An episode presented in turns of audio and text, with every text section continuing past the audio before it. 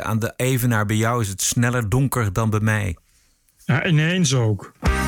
This is the TPO podcast. Officier van Justitie pleit voor meer keuzevrijheid. Dan zou het ideaal misschien zijn dat een verdachte zijn eigen straf mag bedenken. Verbindende stadsdichter weet heus wel wat hij wel en wat hij niet moet zeggen. Toen ik het schreef, was mijn intentie sowieso nooit geweest om iemand te kwetsen. En Trump, taxes, twee dagen voor het eerste debat. En wat zeg je dan? It is inaccurate, it's flawed, it's wrong. Aflevering 193. Ranting and Reason. Bert Brusson, Roderick Phalo. This is the award-winning TPO podcast. It is. En het is maandagavond, 28 september. Bert zit al in het donker eigenlijk, want het gaat hard nu aan de Evenaar. Bert? Bijna donker. Je hebt hier geen schemer, dus het is, uh, je hebt hier een soort halfschemer en dan ineens plop is het donker. Ja, dat is En ook typisch. echt goed donker, hè? want het is hier, uh, het is hier uh, een van de donkerste gebieden ter wereld. Geen lichtvervuiling. Geen lichtvervuiling, dus Nee. dan is het ook echt goed donker. Ben jij een man van het donker? Ja, ik hou van duisternis. hoe minder mensen mij kunnen zien en hoe minder mensen ik kan zien, hoe beter. Oké. Eh, we hebben zojuist gehad eh, premier Rutte met een aantal maatregelen. Laten we even luisteren. De detailhandel moet een verplicht deurbeleid gaan voeren om te zorgen dat mensen in de winkel anderhalve meter afstand kunnen houden. Voor Amsterdam, Rotterdam en Den Haag komt daar vanwege de hoge besmettingsgraad nog het advies bij om in de winkel een mondkapje te dragen. Dat is dus geen verplichting, maar winkeliers mogen klanten weigeren die dat niet willen doen. Vanaf morgen geldt landelijk voor alle horeca de laatste inloop om 9 uur 's avonds en sluiten om 10 uur. Ja.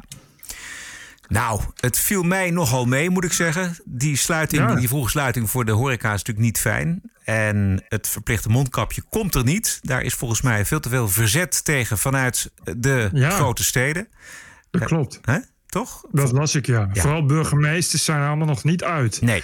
Maar ja, en kijk, dat RIVM is ook nog steeds... Die van Dissel, die, die wil er ook nog steeds niet aan. Dus het is een heel gedoe. Ja. Om daar eindelijk eens een keer een verplichting van te maken. Zoals alle andere landen in Ja, de wereld. precies. Ja, dat is het natuurlijk het meest rare. Dat we de mensen die op vakantie zijn geweest, die weten allemaal in het buitenland dat het heel normaal is om als je een winkel binnengaat of een café, dat je dan een mondkapje op hebt. En daar doet ook verder helemaal niemand ingewikkeld over. Maar Nederland doet daar wel ingewikkeld over. Ehm, verder groepsgrootte beperken tot 30 mensen, dat is nu 50. En ook minder mensen thuis, maximaal 4, dat is nu 6. En eh, nou ja, dat is het zo'n beetje. Ja. De, me, de meeste van die maatregelen komen mij als onzinmaatregelen in over. Weet je, is, Als, als, alsof, er- alsof ze niet er- werken? Nee, ja, alsof je dat kan controleren überhaupt. Komt er dan Oh. politie aan je deur om te tellen hoeveel mensen je in huis hebt? En als je dan eh, vijf, vijf hebt zitten in plaats van vier, krijg je dan een boete, weet je wel? Ja. Ook met, met 50 mensen. Dus als je dan eh 49 mensen, komt dan iemand dat tellen? En hoe tel je dat dan? Want misschien is die andere wel, hoort hij wel bij een andere groep. Hoe doen ze dat in heeft- Spanje? Ja, dat weet ik veel, maar daar heb je, in Spanje heb je sowieso altijd een miljard regels. En die worden die ook gehandhaafd? Want, of zijn die mensen daar gewoon keuriger, netter? Nee, ze zijn hier veel gezags, gezagsgetrouwer. Ja, Ook qua mondkapjes eh, zit hij ook gewoon altijd in de auto met mondkapjes op. ja. Waarschijnlijk ook Moet gewoon dat? thuis. Nee, maar dat is als iemand dat dan zegt. Mondkapjes moet je op, dan doen ze gewoon mondkapjes Ja, op. ja, ja, ja. Maar ik, weet je, maar ik bedoel te zeggen dat je, dat je, je kan dat soort dingen natuurlijk niet. Ja, ik, het is, ik, ik vind nog steeds, is of, of je moet het radicaal en drastisch doen en dan moet je een lockdown doen, of je moet zeggen helemaal geen mensen op straat. Maar dit zijn van die typische poldermaatregelen. Weet je wat? Ja, ja, hoezo? kijk, weet je, het niet is- met meer dan 50 mensen, maar nou, als je met 49 mensen bij elkaar, dan is het wel veilig. Je moet ergens een grens trekken, denk ik. Dat vind ik ook. En we hebben een ged- gedoogcultuur. Ja, we- kijk, we, we moeten er toch uitkomen op een of andere manier. Nou ja, ik, nee, dat, dat begrijp ik. En de perfecte Maar- maatregelen zijn er volgens mij niet. Maar Nee, exact. Maar ik, ik vind het zo typisch. En ik denk, en ik denk sowieso, wat, zoals, zoals ik het nu lees, gaat het niet goed Team Red. Maar goed, daar is ook Team Red voor. Zeg nu al van eh, binnenkort liggen de IC's vol. Team Red is eh, een, eh, het team wat je dan eh, gebruikt om zo kritisch mogelijk te- je, je ideeën te bekijken. Ja. Dus om, om gaten in je plannen te schieten. Ja. Vandaag stond er op de website van RTL Nieuws een mooi kaartje waarin je heel duidelijk ziet, kaartje van Europa, West-Europa. Je ziet heel duidelijk het verschil tussen Nederland, België, Frankrijk en Duitsland, Zwitserland, Italië. Ehm, Nederland en Frankrijk en België kleuren rood en de, eh, Duitsland eh, niet geel. En Italië ook geel. Dus ja, Ja. ik zou dan zeggen van ga eventjes bel even met eh, het RIVM in Duitsland en in dat Italië. en zeg eventjes, ja, oké, maar goed, dan, daar, moet, daar moet dan toch ook concrete maatregelen die wel werken uit, Oh, uitrollen. oh. Nee? Dan krijg je bijvoorbeeld als antwoord... en een van de belangrijkste antwoorden die je dan krijgt... is dat je een goed testbeleid moet hebben. En Nederland is alleen nog maar aan het falen tot nu toe daarin. Maar is dat echt het antwoord? Of is het Nou, gewoon dat ook die, die mondkapjes? Want toen ik in Duitsland was, om even een heel praktisch voorbeeld te geven. daar- Je komt echt geen hotel in. Je komt echt niet aan Nee, een. precies. Nergens in zonder mondkapje. En we Alle weten. wetenschappelijke bewijzen wijzen nu op dat mondkapjes wel degelijk heel veel verschil kunnen uitmaken. Nou ja, laat het, laat het niet wetenschappelijk zijn. Maar laten we, laat, kijk dan naar zo'n kaartje en zie dan wat de Exact. grote verschillen zijn. Maar dus ook testen, hè, dat is wel echt, echt een ding. Het, het idee, dat was het idee, dat, hij, dat, heeft, de- dat heeft de regering en het RIVM gezegd. Direct na die eerste golf. Van de volgende keer, als er een volgende keer komt, gaan we het beter doen, want we hebben nu geleerd. Nou, niet dus. Want het, wat er geleerd moest worden, was dat er moest worden veel alleen maar testen, testen, testen en contact tracing. Ja, testen, testen in Nederland, zoals je kon verwachten, bij alles wat de Nederlandse regering op poten zet, liep meteen weer spaak. Dat is gewoon een probleem wat ze in andere landen wel goed hebben geregeld. Ik, ik las dat serieus van, eh, van het weekend nog ergens. Dat er inderdaad, het, het testen is echt, is echt het ding. Dat is, want inderdaad, de vraag is de hele tijd van ja, hoe kan het dat het, eh, dat het nu wel zo goed gaat in Italië? Weet je, nou, dat is, dit is een van de redenen dat de Italianen daar wel goed van hebben geleerd. Ja. En dat er heel veel testmogelijkheden, dat het meteen is opgeschaald. En in Nederland wil dat maar niet werken. Ja. Ik heb voor RTL een eh, filmpje gemaakt waarin heel duidelijk eh, werd uitgelegd, vond ik, had de redactie voor elkaar gekregen, om te laten zien dat commercieel testen eh, een hele goede aanvulling is op wat de GGNGD doet. En dat het is ook Ja, mag goedkoper. Mag niet, nee, precies. Mag niet van Hugo de Jonge. Nee, nee. Even nog iets wat jij zegt over dat het zo langzaam gaat, dat voortschrijdend inzicht, hebben we wel eens vaker gezegd in deze podcast. Ik hoorde Rutte vanavond zeggen dat ehm, in de drie grote steden dus gevraagd mag worden om een mondkapje in de winkels. En dat hij gaat kijken, na drie weken geloof ik, wat, het, wat voor effect dat sorteert. Dus dan gaan ze na, hoe lang zijn we nu? Acht, negen maanden onderweg. Gaan ze toch nog maar eens eventjes kijken wat het effect van mondkapjes is. Onbegrijpelijk. Dat Ik, ik het- je, dan gaan we, Ja, dat kun je dus als niet de, voorkomen? IC's, als de IC's vol liggen, dan gaan we misschien wel een conclusie trekken, maar nog niet zeker. Weet je, wat, wat, Ja, wat wil ja, je dan? ja. Ik snap dat gewoon niet. Nee, ik vind het ook een beetje raar.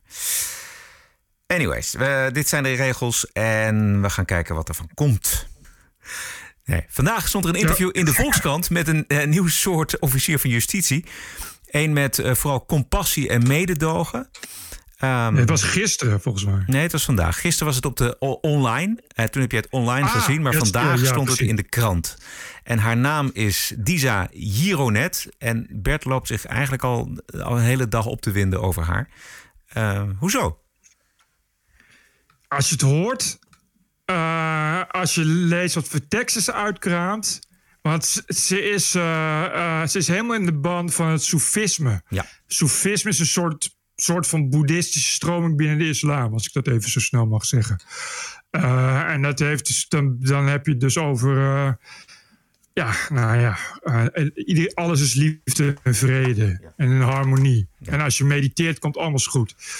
Dat is, je hebt het hier over een 34-jarige vrouw. Nou, er zijn bij het OM de meeste officieren vrouw. Dus dat mag geen verbazing wekken. Die zegt tegen de Volkskrant dingen als volgt. Wanneer een officier van justitie een verdachte gaat voorhouden dat hij slecht is en zich diep moet schamen, is dat contraproductief. Hij toont zich dan moreel superieur, waardoor onnodige afstaat ontstaat. De officier zet hem dan weg als anders, als iemand die beangstigt. En omgekeerd denkt die verdachte vaak: ja, de maatschappij is tegen mij. Zeker als hij een officier en een rechter tegenover zich ziet, die in een geheel andere sociaal-economische positie zitten. Als er wederzijds wantrouwen is, gaat de verdachte ons niets vertellen. Terwijl dat wel nodig is om hem te brengen bij een ander moreel inzicht, zoals het strafrecht betoogt. Daarom pleit ik voor meer mededogen, zodat je hem bovenal als een mens kan zien met wie je verbinding kunt aangaan. Dit is dus voor de duidelijkheid een officier van justitie. Ja. Dit is dus de Nederlandse rechtsstaat ten fucking voeten uit. En alle mensen zijn lief geboren. En als je een verbinding stelt, is niemand een misdadiger. Kijk, het is natuurlijk fantastisch dat zij eh, eh, een Soefi is. En het, wat mij betreft mag de hele islam Soef- Soefi zijn. Maar zij is natuurlijk eh, officier van justitie. En daar wringt de schoen. Ik las ook in het interview, daar komt op een gegeven moment met een voorbeeld mm, van een vrouw die mishandeld en verkracht is door haar man. En dan zegt ze tegen die vrouw: Ik begrijp je. En dan zijn ze, zijn ze beide tot tranen geroerd. Maar er staat niet in wat het mededogen inhoudt voor de dader. Haar man die al die daden heeft gepleegd. Yep. Ik vond een stukje van haar in een televisieprogramma van de NCRV. Volgens mij, De Verwondering heet dat. Uit 2016. En daarin eh, zei zij met zoveel woorden dat daders zelf zouden mogen beslissen, in sommige gevallen, over hun straf. En dan zou het ideaal misschien zijn dat een verdachte zijn eigen straf mag bedenken. Dat hij wel inspraak erin heeft in ieder geval. Of dat hij... Ik denk wel ergens dat het heel mooi zou zijn als iemand... Als je zelf inspraak hebt in je straf... dan heb je ook een bepaalde verantwoordelijkheid in het resultaat ervan. Dit, dit getuigt er wel van een ongelofelijke naïviteit. Ja, dit is het OM. Het is- Welkom bij het OM. Serieus, dit is, ik maak geen grap. Ja. Is, dit is, vraag maar rond. Vraag maar aan, aan advocaten vooral. Omdat OM'ers zelf niet zo kritisch eh, denken meestal. Die hebben daar een beetje moeite mee met zelfkritiek. Vraag maar met andere mensen die te maken hebben met OM. Welkom bij het OM. Maar is dit, is dit het OM of is dit gewoon een privé-mening van haar? Nee, dit is. eh, ik zeg al, het, het OM bestaat voor 80% uit wijven. Dat is niet voor niks. Dit zijn allemaal wijven die vinden dat je, dat je mensen niet alleen moet straffen, maar ook kunt verbeteren. Er is hoop. Overal om ons heen aanwezig. Ja. Juist bij het OM. Ik, het, als je het hele interview in de Volkskrant leest, je hebt echt het idee dat je gewoon naar. eh, ja, dat je naar een, eh, een middelbare schoolklas vrije school aan het lezen bent Ja. of zoiets. Ja. Of een, een lerares eurythmie die, die, die haar levensvisie ontvouwt. Niet dat je het idee hebt dat het iemand is die mensen moet straffen. Beslist niet. Nee, ik- Integendeel. Precies, want je kunt ook zeggen van ik word rechter. Of ik, sorry, ik word rechter. Ja, je kan ook zeggen ik word rechter. Maar je kunt ook zeggen ik word advocaat. Dan, dan stel ik mijn leven Dat- ten dienste van de verdediging van, van, eh, van andere mensen. Maar een officier van justitie moet volgens mij eh, straffen. Ja, die- daar is die voor. Dat, nou, dat gebeurt dus heel regelmatig ook niet. Het komt inderdaad wel eens voor dat, eh, dat de officier van justitie meer advocaat van de verdachte lijkt dan dat hij het opneemt voor, eh, voor, de, eh, voor het slachtoffer. Ja. Dat, dat gaat, Nederland heeft nou eenmaal eh, ja, eh, eh, daderrechtspraak. Ze gaan uit van, de, van, hè, van het geheel, van wat een, wat, wat dader heeft gedreven. En dan krijg je dit soort dingen. Ja, ik, ik, en er zijn natuurlijk ook andere officieren van justitie. Bovendien. dit soort verschrikkelijke opvattingen. Mevrouw komt overigens oorspronkelijk uit Zweden. Dat verklaart het misschien een beetje. Ik, dit soort opvattingen betekent niet dat er ook niet eh, zware straffen worden geëist. Weet je, ik bedoel, dat kun je natuurlijk feitelijk nazoeken. Nederland eh, eh, is, is, wordt altijd van gezegd dat het het zwaarste land is met de zwaarste straf van Europa. En dat klopt, maar vooral in die zin voor kleine vergrijpen. Als je gepakt wordt met heling, lees. Als je op straat s'nachts een fiets koopt van een junk en die junk blijkt een politie undercover, dan heb je meteen voor de rest van je leven een strafblad. Zo zijn we ook weer in Nederland. En dat wordt heel vaak uitgevoerd, dus lijkt alsof we zwaar straffen. Maar met, met eh, ernstige delicten wil dat wel eens tegenvallen. Dat ligt eh, vaak ook aan het, aan het OM, aan de officier die gewoon moeite heeft om een hoge straf te eisen. En dat soms ook niet durft, daar zijn ook weer regels voor. Eh, maar dat, het is niet altijd één op één. Het is niet zo dat die, die persoonlijke afweging van die, van die officier ook automatisch inhoudt dat ze niet hard wil straffen. Maar het is wel de dingen die je leest waar dit soort mensen is, is tekenend voor het Nederlandse OM. Nou, dat, dat- zegt ze ook zelf dat Ja. er, eh, dat er eh, steeds meer oor naar is binnen het OM voor haar manier van verbinding zoeken. Ja, dat is eh, ern- ernstig, zou je kunnen zeggen. Overigens is het natuurlijk zo dat de rechter ook buiten de officier van justitie natuurlijk gewoon recht spreekt en gewoon zegt. Van, nou, en die kan ook hoger uitkomen met een straf. Nou en of. Maar het is, kijk, waar we het er vorige week over hadden, van eh, de, de, de aandrang van het Openbaar Ministerie om tot vervolging over te gaan. Ja, als we dus met een OM te maken hebben dat helemaal in de, in de Soefi-religie zit, dan schiet, dan schiet dat niet op.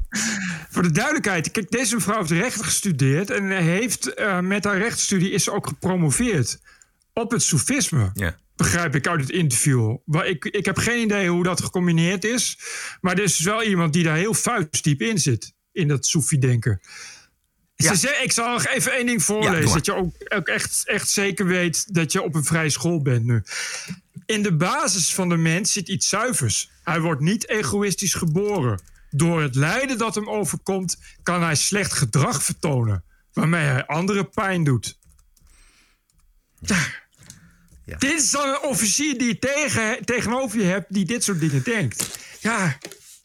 Ja. Je zou maar, Maar het is- slachtoffer zijn van verkrachting. En eh, je krijgt zo'n officier van justitie die eh, jouw dader moet aanpakken. Of die een straf moet eisen voor jouw dader. Het voordeel is wel eh, dat eh, officieren heel weinig tijd hebben. Dus wat zij zegt in het interview is dat ze ook graag lekker lang met de, met de verdachte zit. In werkelijkheid is dat meestal niet zo, omdat er gewoon de tijd en de mogelijkheden niet voor zijn. Dat maakt het voor, voor, de, voor, de, voor de slachtoffers vaak al een stuk beter. Maar ik kan je vertellen, er zijn een hoop, hoop mensen die slachtoffer zijn geworden van een misdrijf. En die kunnen je van alles vertellen over het leed dat de OM heet. En dat is, eh, ja, het is verschrikkelijk. En het valt mee. Het is niet zo dat, dat in de rechtszaal eh, ook nog eens een keer dit soort, dit soort gelul over je heen wordt gestort. Dit is wel echt iets wat, eh, wat dit, soort, dit soort officieren doen in hun vooronderzoek naar de rechter. In de rechtszaak is het, is het vaak toch zakelijker. En dan stellen ze gewoon een straf voor. Dan zeggen ze, leggen ze uit hoe ze tot die strafmaat komen. Maar dan krijg je niet van, goh, het is eigenlijk een hele goede jongen. Dat valt wel mee. Dat doet de advocaat wel namelijk. Dus, dus daar heb je als slachtoffer, zul je, heb je niet echt veel last van het OM. Eh, OM is wel keel. eh, totaal niet charismatisch, onpersoonlijk en hebben echt scheid aan hoe slachtoffers zich voelen. Het zijn voldoende mensen die op een dag een koud briefje thuis kregen met het mede. Oh, sorry, we waren te vergeten te vertellen dat de moordenaar verkrachten van je, vrij, van je vrouw alweer maanden vrij rondloopt in je woonplaats. Weet je, dat idee, dat is een beetje het Nederlandse OM ten voeten laat Maar dat zou pleiten wel voor deze houding van deze officier van justitie. Nee, want die houding die gaat alleen naar de dader toe, niet naar de slachtoffers. Nee, nee, nee, er was ook een slachtoffer. Dus zij had ook een, in, in haar verhaal een, een slachtoffer. Die vrouw die ik noemde. Waarvan zij zei van, eh, ik begrijp je. En dat er toen een, een gevoel van eh, ontroering ontstond. En dat dat ook weer Ja, het slachtoffer hielp. Dat is heel mooi, maar eh, het gaat meestal ook naar de dader toe. Ja, ja, en dat zien we liever niet. Nee, ik, ik, zou, ik vind, ik, ik ben echt voor het Amerikaanse model. Dat je een officier gewoon kunt kiezen, ten eerste. Eh, en ten tweede dat hij gewoon alles in het werk stelt om een, eh, om een, eh, een verdachte veroordeeld te krijgen. Want je hebt een, je hebt, die, kijk, die officier moet juist jouw advocaat zijn. Weet je, en dat is het punt. In Nederland heb je eigenlijk ook een, een slachtofferadvocaat nodig. Als het even tegen zit. En dat zou het OM moeten doen. Weet je, het OM zou voor jou als slachtoffer zo hard mogelijk moeten vechten. om die dader veroordeeld en gestraft te krijgen. Ja, ja, ja, precies. Zo is het. het. Is the TPO podcast. Het gaat inmiddels bijna geruisloos in de nieuwsmedia voorbij. Eh, toch had zich afgelopen vrijdag weer een moslimterrorist op twee journalisten gestort in Parijs. Vlakbij het oude kantoor van Charlie Hebdo. Daar waar in 2015 twaalf mensen zijn afgeslacht door moslimterroristen.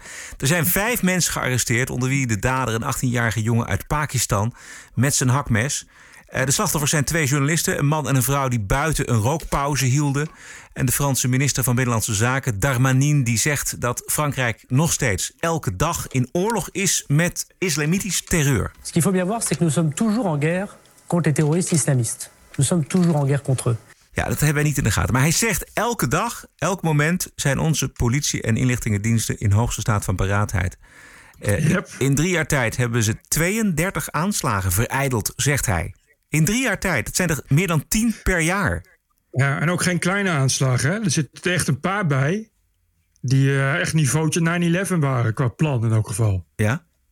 Nou ja, dus, dus serieus grote, Ja. grote, grote, grote aanslagen, autobommen en dat soort gelul. Ja, de, de, Die, die op het Eiffel- laatste moment zijn vereideld. Ja, Eiffeltoren is volgens mij ook al wordt ieder jaar wel een paar keer afgesloten. Hij wil alle plekken die doelwit zijn geweest beschermen, net als synagogen.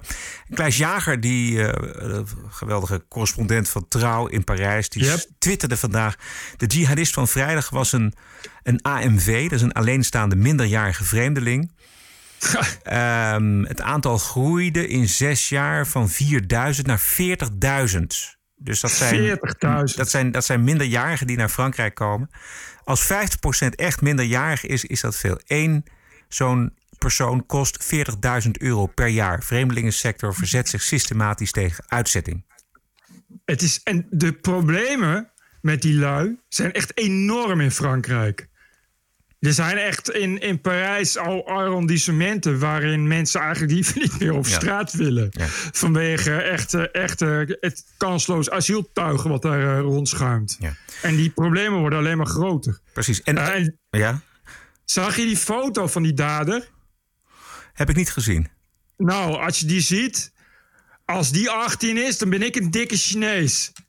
Dit is gewoon een vent van 40 namelijk. Oh ja? Ja, tuurlijk. Ze komen allemaal binnen onder het motto: ik ben minderjarig. Ja. Want dan krijg je, krijg je asiel zonder uitzondering. Wat mij vooral opviel was dat het een bericht eh, heel eh, klein werd gebracht eigenlijk. Ik, ik zag niet heel, heel veel grote verhalen. Terwijl het... Jawel? Nee? Nee. Nee, maar Terwijl het is heel een- ex- allemaal. Het was een extreem symbolische daad.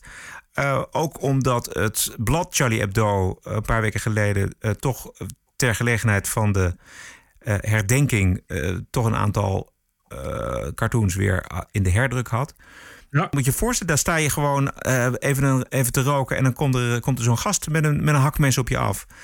En dat is dus niet verdwenen. Dat verdwijnt dus niet in, in Frankrijk. Nee. Het verdwijnt ook niet uit, uit, uit West-Europa. Je zei net, eh, weet je, vijf jaar geleden Charlie Hebdo. Dat je, dat je al denkt van, oh, was er een aanslag op Charlie Hebdo vijf jaar geleden. Waar twaalf mensen zijn afgeslacht voor het vrije woord. Weet je, het is echt helemaal, al helemaal, helemaal ver- verdwenen, verwijderd. Naar de achtergrond gedrukt. Terwijl dat natuurlijk gewoon allemaal op de voorgrond zou moeten staan. Precies. En, en ook de maatregelen. Want je vraagt je af, kijk, stel je nou voor dat je vanaf Charlie Hebdo's, vanaf 2015, maar eigenlijk natuurlijk al vanaf de, de, de Twin Towers, maar dat je gewoon zegt, we gaan echt met vereende krachten dat eh, jihadisme in Europa eh, aanpakken. Dus, hè, en met mensen uitzetten en met eh, gewoon te zeggen, dit heeft geen plek in onze samenleving. Eh, ik had Klaas Jager toevallig aan de telefoon. Ja. Eh, en die zei ook van, Macron is, is al een tijdje echt, echt inderdaad op voet van de oorlog met de radicale islam. Die is ook bezig met, met wetsvoorstellen eh, doorvoeren om die radicale islam keihard te bestrijden. Dus, dus wat we in Nederland ook graag willen, maar wat niet gebeurt. eh, stop op subsidies van moskeeën, je kent het allemaal wel. ja, dat doen ze wel Eh, in Frankrijk wel. Ja, ja, en het is een, eh, in Frankrijk is het natuurlijk wel echt een ding. Eh, die rechtszaak is een ding. Het is, een, het is natuurlijk een hele belangrijke zaak. Maar het is echt verbijsterend hoe weinig daar inderdaad in Nederland is. Het een soort. Terwijl het is gewoon een aanval op Europa, niet alleen op Parijs. Ja. Of alleen op Frankrijk. Dat kun je echt vergeten. Weet je, dat ik bedoel. eh, eh, eh, er is ook bijna niemand meer die weet dat ruim daarvoor al een aanslag is, is vereideld Ja. Op, op, op de redactie van die krant waar die Deense cartoonist destijds die, die, die eh, cartoon heeft gepubliceerd. Er zijn toen eh, jihadisten opgepakt die op het punt stonden om daar die hele redactie van die krant uit te moorden. Je, er is nul ophef over geweest. Het is gewoon een klein nieuwsbericht en dat was het weer. Het gaat nota bene om twee journalisten. De weekbladen in Europa staan bol van de verwijten richting iemand als Donald Trump dat hij een gevaar voor eh, de, de pers is. Hè. Eh, ik las vandaag weer een, eh, een stuk erover. Eh, Trump is, een- is een groot gevaar voor de, voor de persvrijheid. Ehm, maar de echte, het echte gevaar zijn natuurlijk deze jongens. Ja, tuurlijk. En waar, waar blijven de cover stories over deze jongens? Dat wordt dus gewoon genegeerd. Dat wordt Daar gewoon. lijkt het dat op, wordt, Nee, dat wordt gewoon onder, onder het tapijt geschoven. Omdat je mag niet de hele tijd de islam noemen. Ik zag eh, in de berichtgeving over die aanslag van vrijdag. Was het vrijdag? Oh, In de berichtgeving van die aanslag in Parijs, de recente. eh, ehm, las ik, ik geloof dat het de NOS was. Dat vijf jaar geleden een aanslag werd gepleegd op de redactie van Charlie Hebdo. Door aanhangers van Al-Qaeda. Ja. Dus niet door moslims of door uitnaam van de islam. Door aanhangers van Al-Qaeda. Snap je? Hoe snel dat weer verdwenen is. Ja. En hoe snel we alweer ophef moeten maken over de nieuwe tattoo van André Hazes. Oh, Of, of over Donald Trump in Nederland. Of al die influencers, waar- die opeens of- heel belangrijk zijn. Ja. Of dat Sander Schimmelpinnik een mening heeft gegeven in zijn eigen podcast. Dat is pas een gevaar. Daar moeten we het een week over hebben. Want dat is pas een bedreiging voor de democratie en vrijheid. Oh, mensen die grapjes maken, die moeten we aanpakken. Homoseksuele grapjes. Vandaag in de Gelderlander een carnavalsvereniging uit Bergendal hadden een geinig filmpje gemaakt. Met een persconferentie met de burgemeester. En op de achtergrond een gebarentaaltolk. Dat mocht natuurlijk niet van de doven en slechthorenden in Bergendal. Want die waren gekwetst. Dat is de bedreiging voor de vrijheid en democratie. Grapjes, humor, ironie, vrijheid van meningsuiting op internet. Dat is de grote vrijheid. Beslist niet de islam. De islamitische landen, de islamitische leiders, die zetten we eh, in de VN Veiligheidscouncil. Die maken we de baas van de VN Mensenrechten. Daarvoor moeten we bukken. En daarvoor moeten we nog eens een keer zeggen: Oh, inshallah, we zullen het nooit meer doen. Want oei, oei, oei, dat we de islam kwetsen. Dat is het probleem. I was offended and I have rights. TPO Podcast. You're an adult. Grow up. Deal with it. I don't care. care. Kijken wat er in de Wokweek allemaal eh, aan de hand is. Dat was best wel weer veel. Dus we moeten een selectie maken. We kunnen niet aan alles aandacht besteden. Anders wordt de TPO-podcast één grote Wokweek. Meer diversiteit op, de, op basis van meer diversiteit op basis van huidskleur en afkomst. Het lukte de afgelopen week niet bij de KNVB, maar het aanstellen van een nieuwe bondscoach. Het lukte in eerste instantie wel in Haarlem bij het vinden van een nieuwe stadsdichter. Daryl Osenga, alias rapper Inseno, is sinds eh, vrijdag alweer stadsdichter af. Iets te agressief, iets te antisemitisch. RTV Noord-Holland sprak met de man. Toen ik het schreef, was mijn intentie sowieso nooit geweest om iemand te kwetsen. Dat, laat me dat voorop stellen. Eh, mijn intentie was om een, ehm, om, een, om een discussie te openen. Om het te hebben over het feit dat, eh, dat het ene wordt belicht in school en het andere wordt niet belicht in school. Ik heb op mijn school heb ik nooit eh slavernijgeschiedenis gehad. En de Tweede Wereldoorlog werd ja, breed uitgemeten. En mijn eerste aanraking met het slavernijverleden was toen ik mijn vader voor het eerst op ging zoeken op Curaçao. Hij bracht mij ook eh, naar het museum daar. Voor mij uit mijn hoofd heet dat Kurulandia. En dat is een, een, een, ja, een, museum wat best wel ehm, ja, op ijskoude manier laat zien hoe het eraan toe ging. En toen ik dat zag en mij realiseerde dat dat een deel van mijn geschiedenis is... eh, heeft me dat gewoon geraakt. Ik hoef niet in details te treden, maar er, stonden gewoon letterlijk apparaten... eh, waarmee tot slaafgemaakten gemarteld werden. En ja, dat, dat laat wel een indruk op je achter als je dat ziet zo. Dat is een deel van je, dat is een deel van je geschiedenis. Ja, wat ik goed aan het gesprek vind, is dat we deze jongen horen. En wat eh, ik jammer aan het gesprek vind, is dat eh, het toch ook weer gaat over de norm kwetsen. Weet je, dat is, dat is dan weer de norm. Terwijl ik veel meer wil weten of hij nog steeds vindt eh, dat wat hij gezegd heeft over de Holocaust en Ja, over de concentratiekampen. En hij heeft eh, in de tijd heeft ook gezegd dat die aanslag op Bataclan dat het allemaal niet al fake was. En hij heeft opgeroepen Volkert van de Graaf nog eens een keer ehm, te denken aan, aan, eh, aan Wilders. Dat vond dat en dat zit niet in dit interview. Bijzonder om hem te horen eigenlijk, want het is echt een keurige Haarlemse jongen zou je zeggen.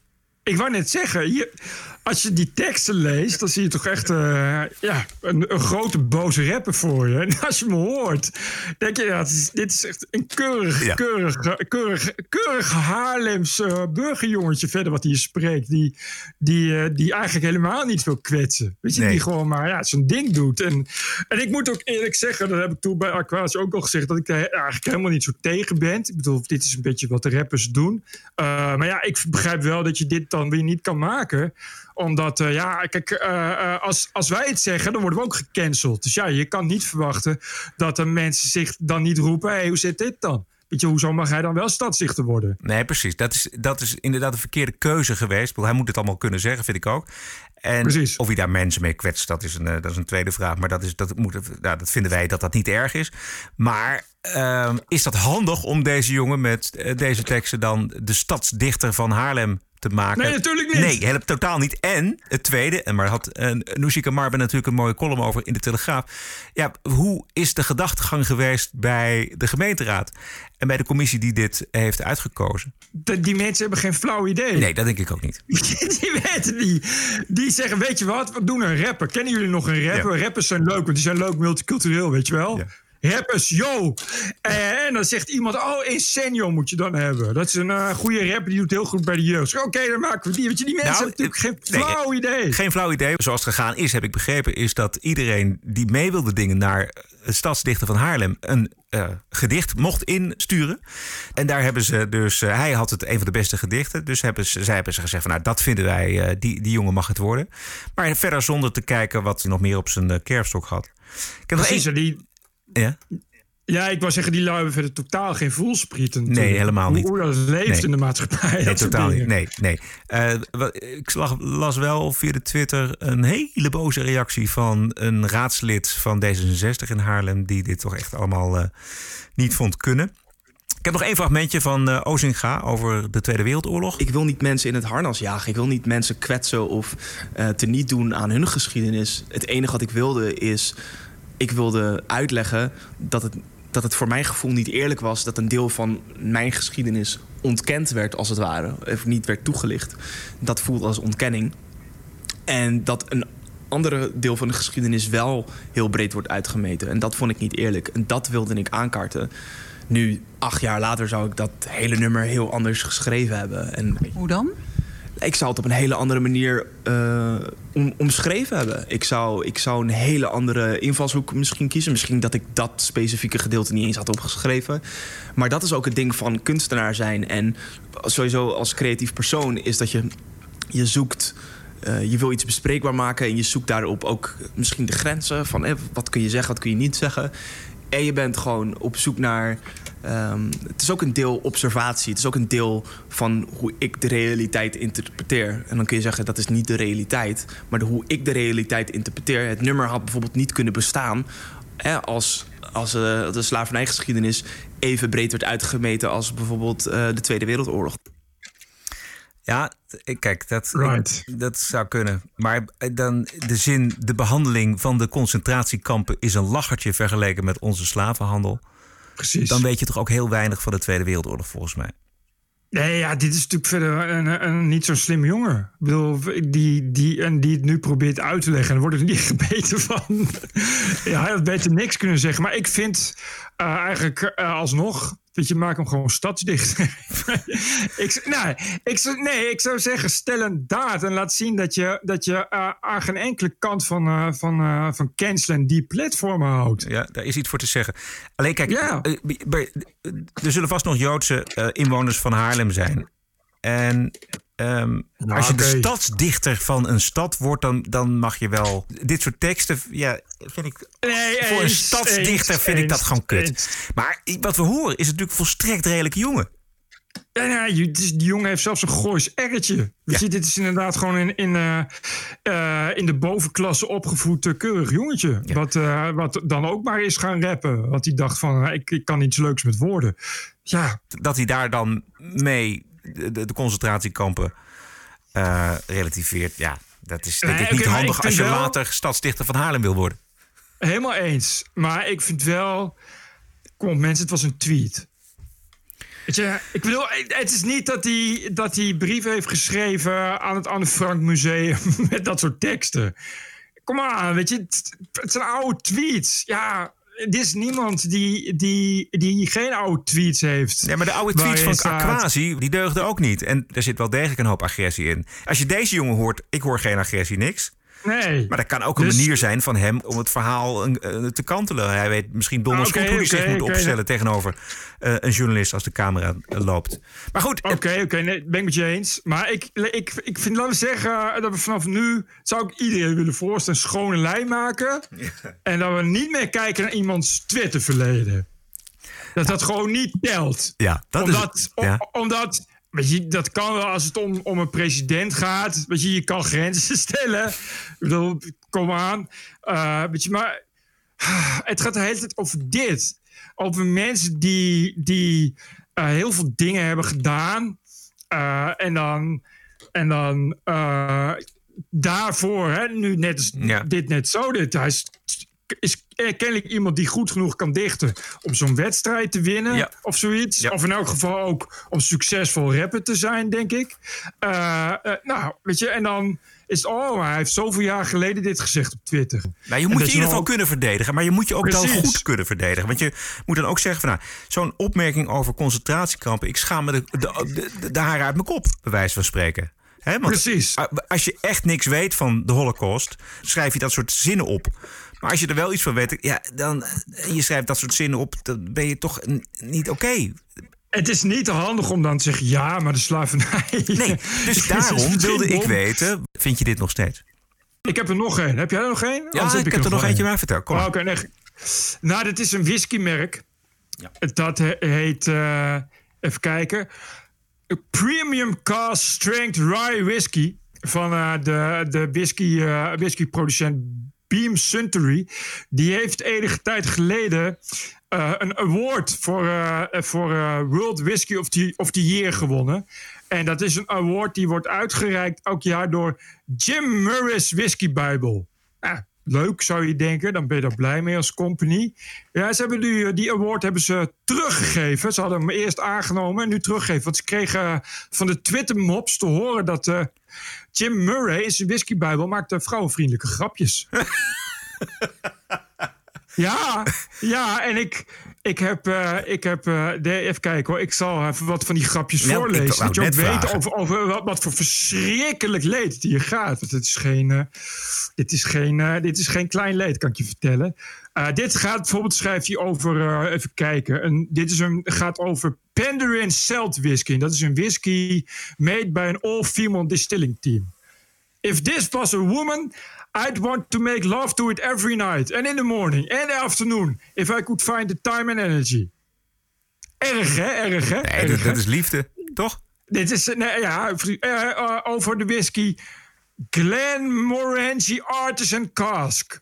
If whiskey could be sex, this would be a woman. Every time I encounter this whiskey, it pops up with a new look, a different perfume and mood. It appears not to be able to make up its mind, but does it know how to pout, seduce and win your heart? Oh yes.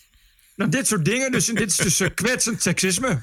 Dus nu hebben ze de award hebben ze, hebben ze uitgebreid in de media met een persbericht hebben ze en in een huilie-huilie verhaal gezegd dat, we, dat ze de award teruggeven omdat ze niks met het seksisme te maken willen hebben. Ja. Ik Ja. heb er nog twee. Het eh, voedselconcern Mars eh, stopt met de naam Uncle Ben's rijst. En de verklaring vond ik ook heel interessant. Die, Mars zegt dus... de laatste weken hebben we geluisterd naar duizenden klanten. Onze eigen partners en belanghebbenden van over de hele wereld. We begrijpen dat de naam en de foto van het merk... werden geassocieerd met ongelijkheid.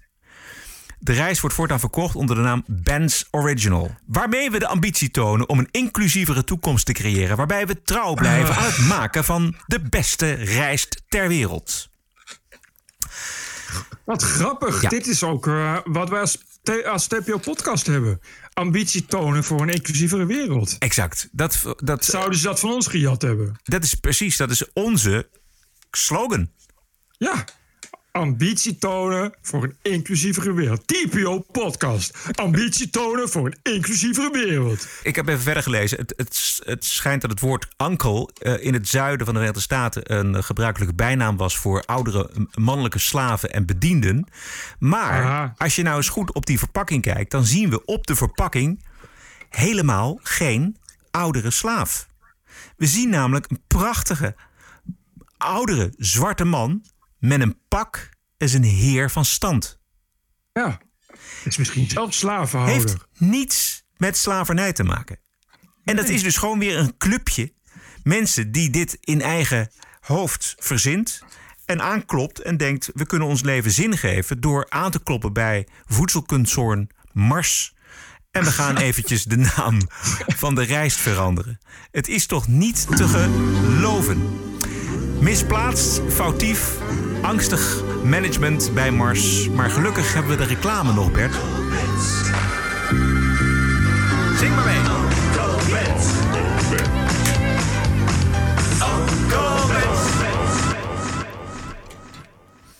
Ik denk niet dat Sylvana dit een leuke reclame vindt. Over Sylvana gesproken. Marielle woont in Dordrecht. En volgens haar website Marielle in de Keuken...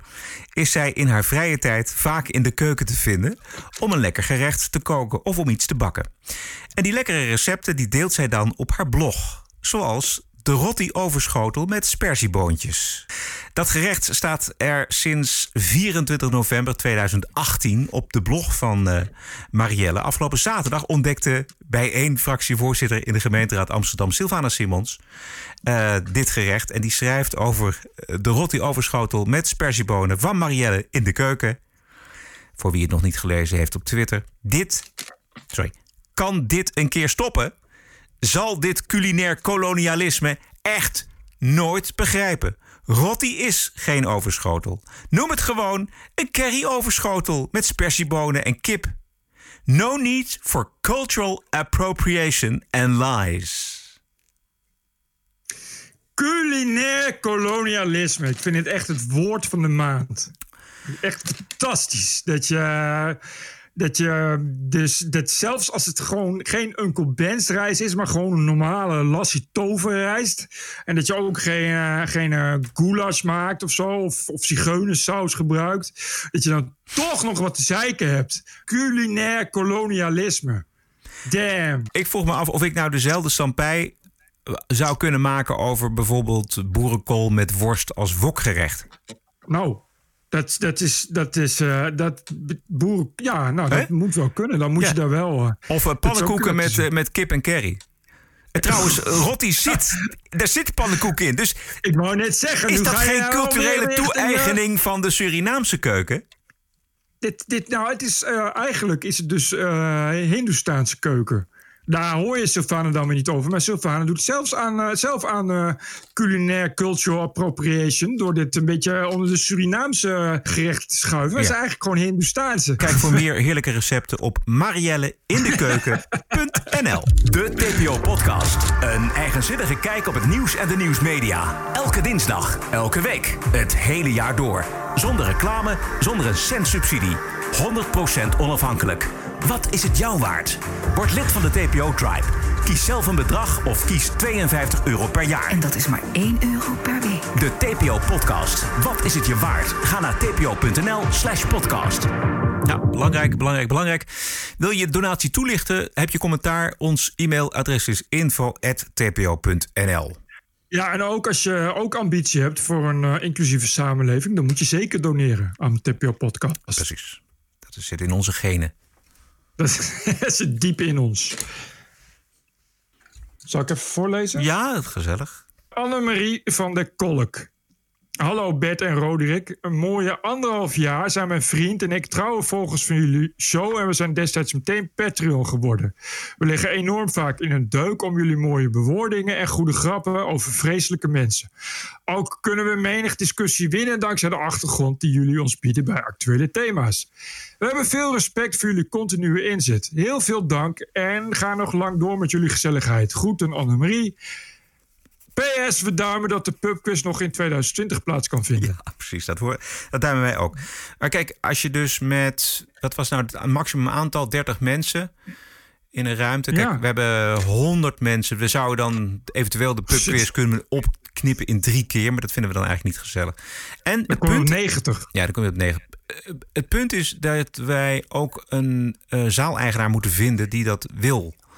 Want ehm, als we elkaar te dicht op elkaar zitten, et cetera, en we kunnen ons niet aan de regels houden op een of andere manier. En de, en de politie of komt langs. buiten. Eh, of buiten, precies. Dat zou ook nog kunnen. Maar goed, we zijn druk over aan het nadenken. Eh, we willen dat ook heel graag eh, voor het eind van het jaar. Het liefst als de corona een beetje voorbij is. Maar dat, dat, dat weten we niet hoe lang we daarop moeten wachten. Dus, eh, maar we zijn in overleg met de jongens die dat organiseren. Als je gereserveerd hebt, dan komt het allemaal goed. En je krijgt bericht. Ja. Dankjewel, Annemarie. Het volgende is Pablo Ham. Even kijken. Beste mannen.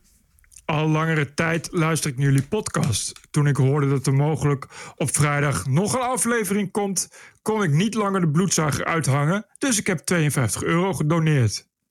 Ik kan wel een lang verhaal ophangen over hoe goed jullie podcast is en hoe mooi het equilibrium tussen beide gastheren elkaar complementeert, maar dat is een beetje saai. Daarom zeg ik liever: blijf zoals jullie zijn en buig niet en wijk niet voor wat er gezegd moet worden. Alleen samen, alleen samen houden we de woke-revolutie tegen. Groetjes, Pablo Ham uit Urk. Dat heb je mooi gezegd, Pablo. Mark Seria. Oh, ik denk al. Even, dat is een cartoonist inderdaad, volgens mij. Ik, nou er zit een tekeningetje bij. Ik denk waar ken ik die naam van? Maar dat is een cartoonist. Anyway, sorry. Eh, Mark, Mark Seria. Hallo Bert en Roderick. Als eerste mijn jaarlijkse 52 euro, want jullie podcast blijft kwaliteit leveren. En Mark Seria is eh, cartoonist, of in elk geval tekenaar, striptekenaar, bij nocomedycomics.nl. Oké. Eh, en hij maakt hele goede, inderdaad, eh, eh, graphic novels. Samen met Heren Heresma junior. Dat is de zoon van. Ja. Die schrijft ook wel eens stukjes bij ons. En de graphic novels zijn, er voor degenen die dat niet weten, ja, een soort strips voor, voor, voor volwassenen, laat ik het maar zo zeggen. Bedankt, Mark. Alex Filipovic. Beste Bert en Roderick, jullie geluid is verslavend. Ik hoor het ook van de andere luistera- luisteraars. We hebben het shotje gewoon wekelijks nodig van onze dealers R&B.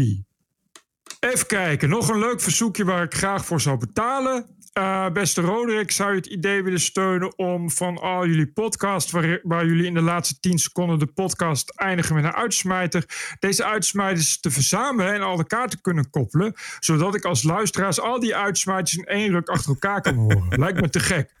Groetjes, groot fan van jullie geluid, Alex F. Moet ik even over nadenken, Alex? Want dat is best een hoop werk. En ik, ik bedenk ze ook maar at random. Gewoon als ik nog wat tegenkom. Maar eh, ga ik even over nadenken. Oké. Peter van der Hulst. Eh, hallo Roderick en Bert. We zijn inmiddels al vele podcasts verder sinds mijn eerste voornemen te doneren. Maar met veel plezier en dank heb ik zojuist de 104 euro gedoneerd. Namens mij en mijn bier, snowboard en motormattie Jeroen van Wijk.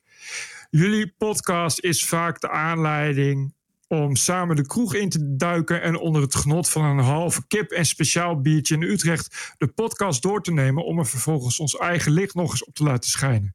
Dat levert overigens per biersessie niet veel anders op dan steeds dezelfde conclusie, namelijk dat we ouder worden, minder goed tegen alcohol kunnen, complotdenken zo gek nog niet is, maar gelukkig wel overal hoop om ons heen aanwezig is. Dit zijn zeer waardevolle avondjes voor ons, waar jullie inmiddels een vast onderdeel van zijn en waarvoor namens ons beiden oprechte dank. Als jullie gewoon lekker doorgaan, doen wij dat ook. Tot de volgende donatie. Vriendelijke groet. Peter van der Hulst en Jeroen van Wijk. Peter en Jeroen, dank jullie wel. De laatste is van Willem, want staat bij alleen mijn voornaam noemen. Ik doof nooit. Groeten Willem. Ik vind het echt heel leuk dat hij dit, le- dat hij dit schrijft. Uh, en, en, ik bedoel, dit is iemand die gewoon heel enthousiast is daarover en vertelt waarom hij zo blij met ons is. En weet ik veel wat.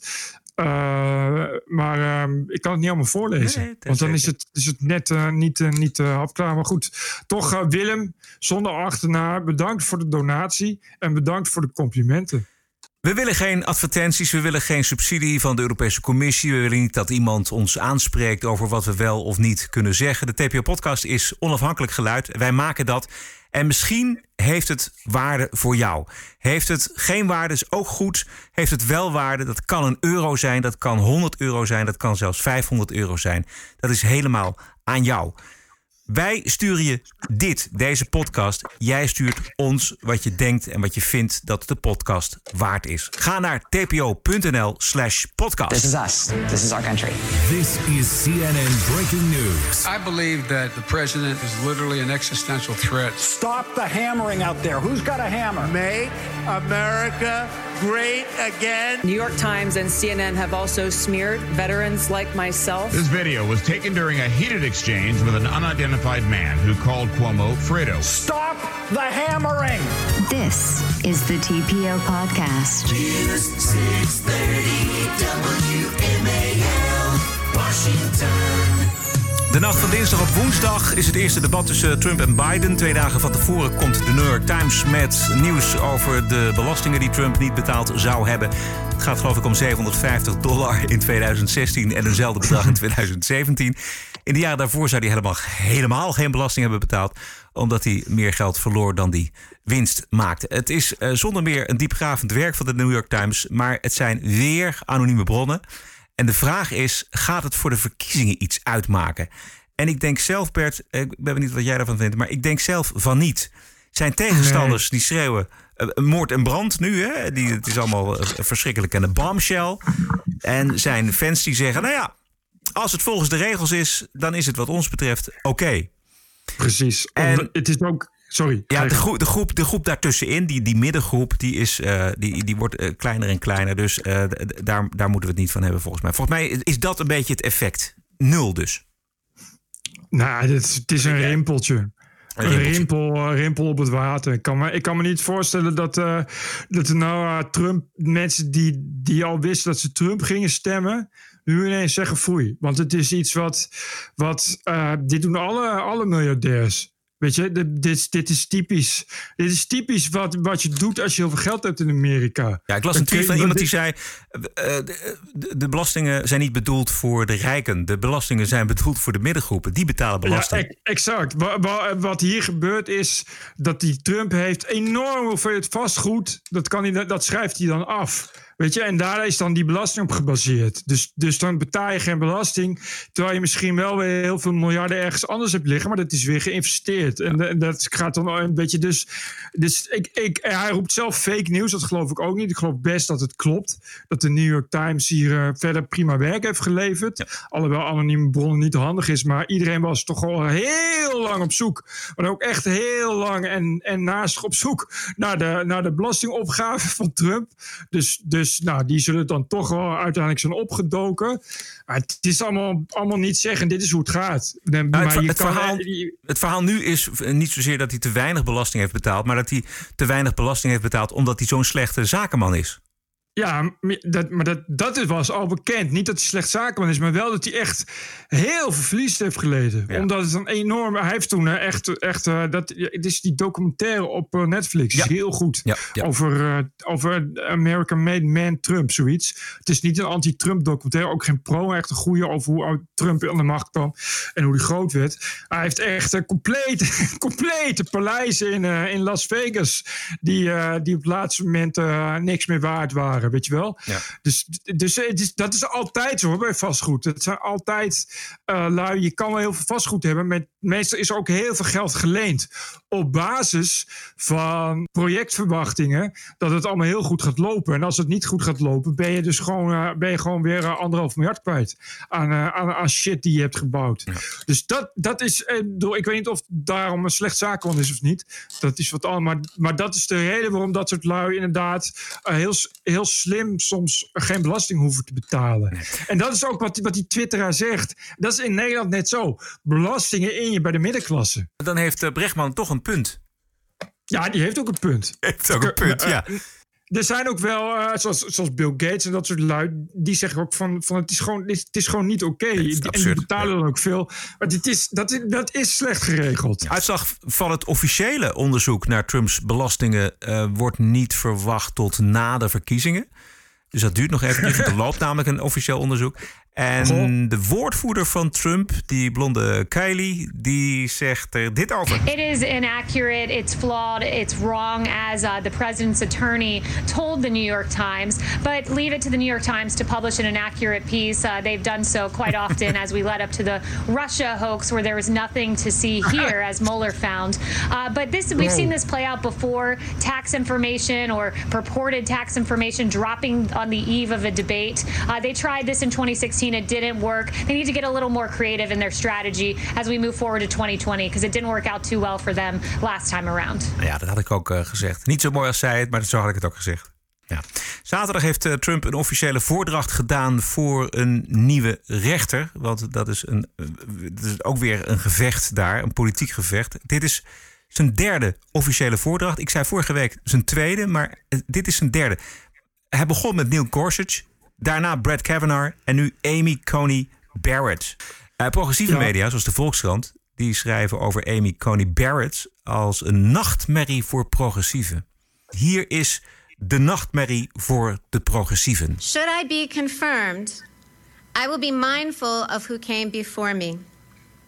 The flag of the United States is still flying at half staff in memory of Justice Ruth Bader Ginsburg to mark the end of a great American life.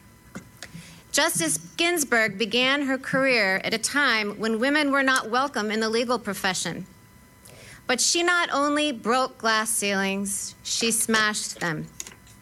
For that, she has won the admiration of women across the country and indeed all over the world. She was a woman of enormous talent and consequence, and her life of public service serves as an example to us all. Particularly poignant to me was her long and deep friendship with Justice Antonin Scalia, my own mentor. Justices Scalia and Ginsburg disagreed fiercely in print without rancor in person. Their ability to maintain a warm and rich friendship, despite their differences, even inspired an opera. These two great Americans demonstrated that arguments, even about matters of great consequence, need not destroy affection. Nou, dit is natuurlijk een gruwel voor alle progressieven in de nou, hele wereld. Voor. Stel je voor. nou, alleen al dit was verfrissend, Bert. Diepe meningsverschillen ja. staat de diepe vriendschap niet in de weg. Ik zag Dan Lemon, oftewel oh, Dan Leman, die zag ik oh, helemaal doordraaien. En die zei, weet je, jo. het moet echt afgelopen zijn. En als we niet onze zin krijgen met deze regels, dan moeten we gewoon de regels afschaffen. We moeten sterker. Juist. Hij zei: we blazen het systeem op. No matter what happens, everybody sticks we're gonna have to blow up the entire system. And you know what we're gonna have to do? No, I don't know you know what we're gonna? Yes, yeah. we, we have to do. We, we have to blow up the the whole system. Dit is uh, de ideologie van de Democraten ten voeten uit. Als het niet gaat zoals wij het willen, dan moet het gewoon aangepast worden. No matter what happens, everybody sticks we're with have to blow up the entire system. And you know what we're going to have to do? I don't know you know what we're going Yes, yeah. we, we have to do? You just got to vote. Honestly, from what your closing argument is, you're going to have to get rid of the electoral college. Because the people. I don't see it. Uh, because the, the, minority in this country decides who the judges are and they decide who the president is. Is but that, you need a constitutional amendment to do that. And if Democrats, if Joe Biden wins, Democrats can stack the courts and they can do that amendment and they can get it passed. Well, you that's need two a, that's thirds a danger. vote in the Congress and three quarters of the state legislatures. They may be able to do that. Maybe. De, dat gelul ook over, over, over dat kiescollege. Dat is ook zoiets. We hebben nog nooit gehoord toen er een democraat president was... dat dat een probleem was. Weet je, en nu is ineens weer een Trump en is ja... Maar het is eigenlijk niet de meerderheid. Het is schuld van het kiescollege. Ja, dat moeten we afschaffen. Dat moeten we dan aanpassen. Tja. Ja. Nee, het, is, het, het, het, is totaal afhankelijk van wie er in het Witte Huis zit. Eh, bij Obama in het Witte Huis, die, die eh, kreeg ook nog eh, volgens mij een paar maanden van tevoren een nominatie eh, gedaan. En toen eh, hoorde je Biden zeggen van ja, de president die er nu zit, die moet dat ten alle tijden kunnen doen. Hè? Een nieuwe rechter nomineren, ook als het maar vlak voor de verkiezingen is. En nu zegt hij 180 graden precies het tegenovergestelde, omdat Trump in het Witte Huis zit. En, en, en andersom, de Republikeinen doen er ook helemaal aan mee. Dus wat dat betreft, moeten we ons daar niet te druk over maken. En wat ook nog meespeelt, is het gedoe over het stemmen per post. Populair, eh, erg populair deze verkiezingen. ehm, in verband met corona natuurlijk. Volgens Trump is stemmen per post vragen om fraude. Mensen kunnen niet in hun eigen omgeving een keuze maken. Worden misschien te veel beïnvloed door wat anderen thuis stemmen. De stemmentellers zouden gemakkelijk bepaalde stembiljetten terzijde kunnen schuiven. Nou, tot nu toe is er eh, geen grootschalige fraude met mail-in-voters eh, voorgekomen. Maar we hebben ook niet op zo'n grote schaal nog deze techniek toegepast. Eh, Democraten en pers speculeren op verzet van Trump om uit het Witte Huis te vertrekken.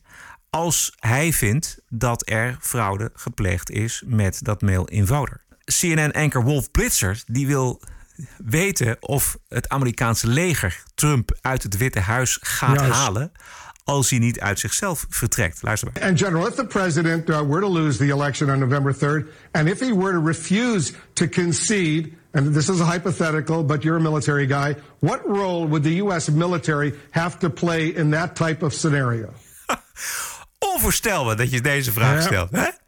Ja, En nu het antwoord. Absolutely no ro- role, uh, uh, Wolf. And those who suggest that the military would have any role in, in transition, they are being equally irresponsible. And I heard some of the comments, for example, by Vice President Biden, not, not in recent days, but much earlier.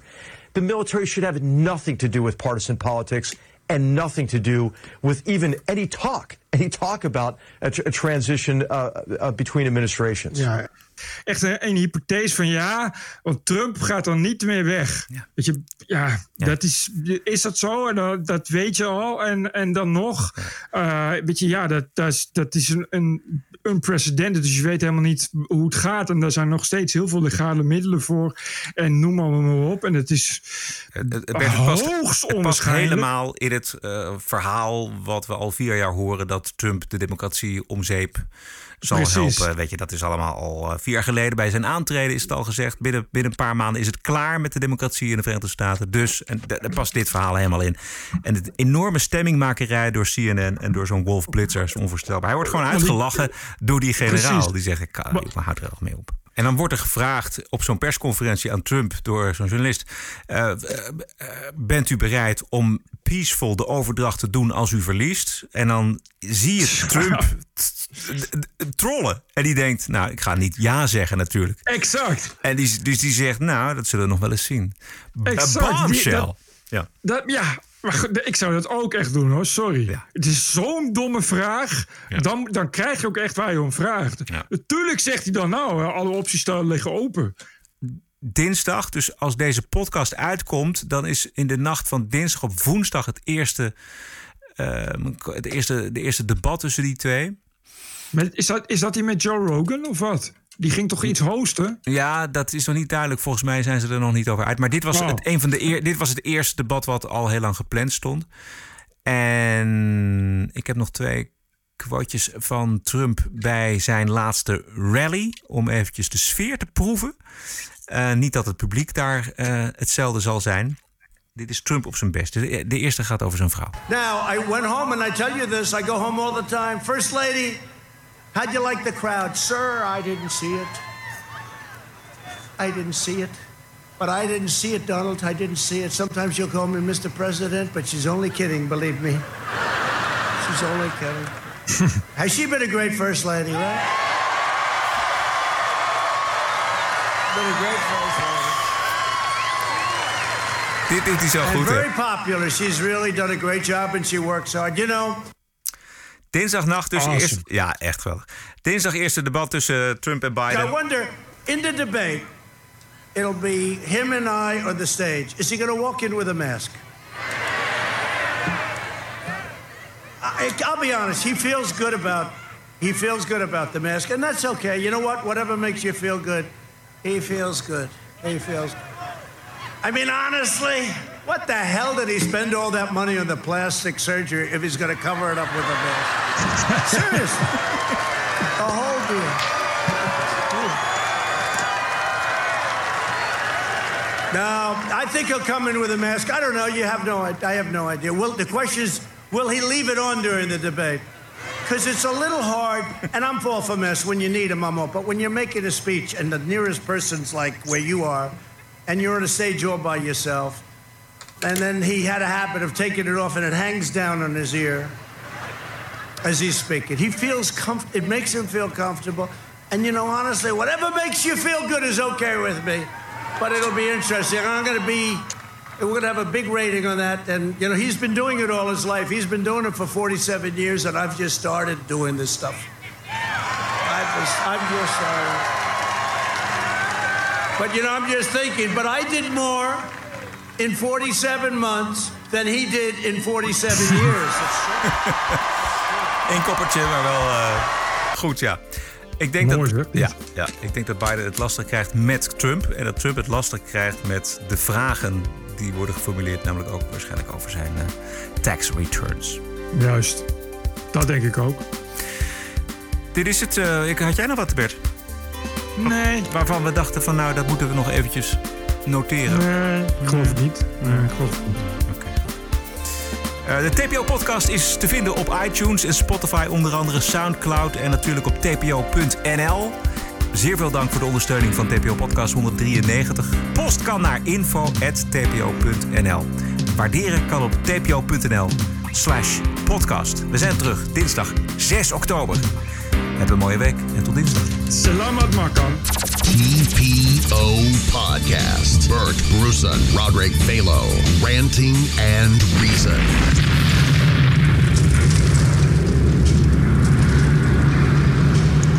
Weet je wat ik ga eten zo?